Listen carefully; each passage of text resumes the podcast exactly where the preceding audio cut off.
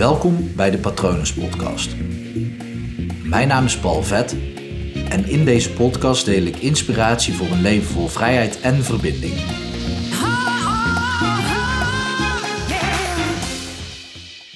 Neem dat besluit gewoon. Hm. Ja, dat is makkelijk gezegd, Paul. I know. Ik weet het.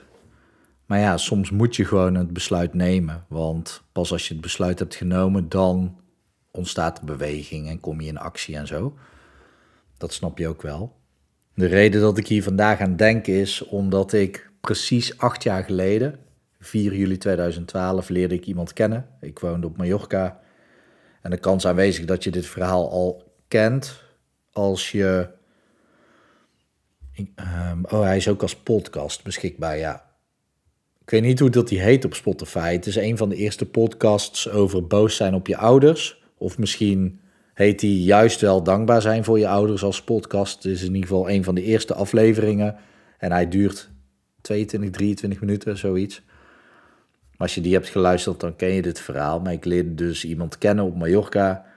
En nou, een paar dagen later zaten wij op terras tegenover elkaar.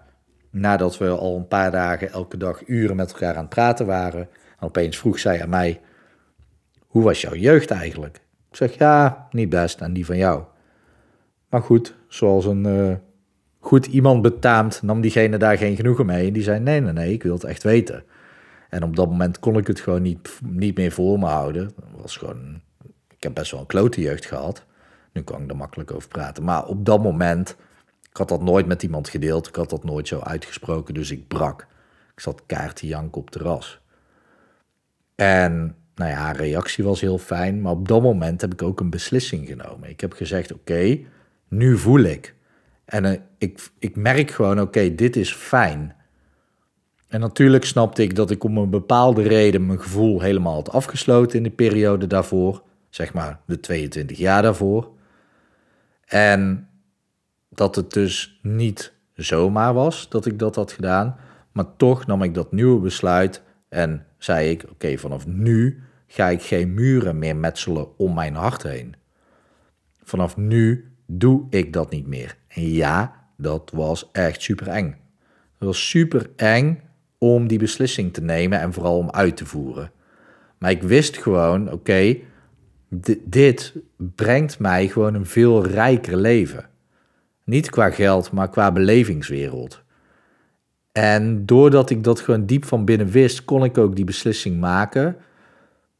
Terwijl die ook gewoon eng was. En natuurlijk moest ik het daarna gaan uitvoeren. En is dat met vallen en opstaan. Want ik voelde me echt als een peuter of een baby die opeens weer leerde voelen.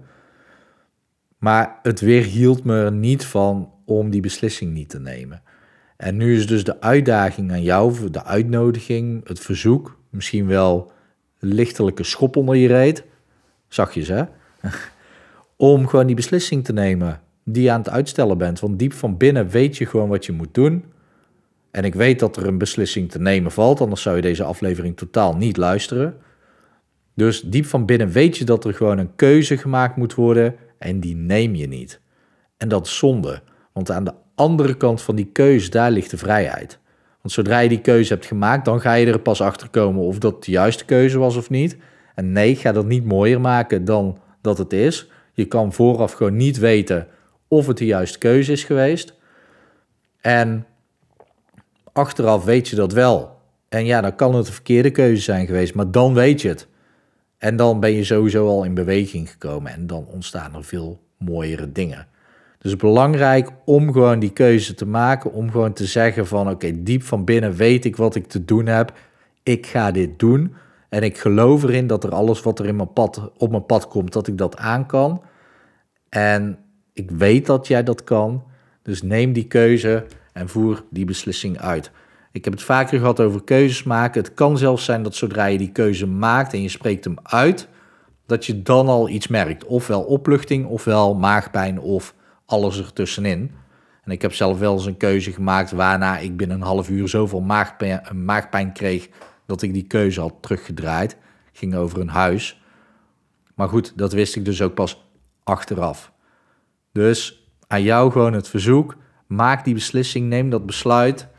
En ja, doe wat je diep van binnen weet wat je te doen hebt. Ik hoop natuurlijk dat het goed met je gaat. Ik hoop dat het goed gaat met dierbaren van je. Ik zou het leuk vinden als je me volgt op Instagram, hypnopal.nl of even een kijkje neemt op www.hypnopal.nl om te zien wat ik voor je kan doen. En ik wens je ook gewoon nog een hele mooie dag toe.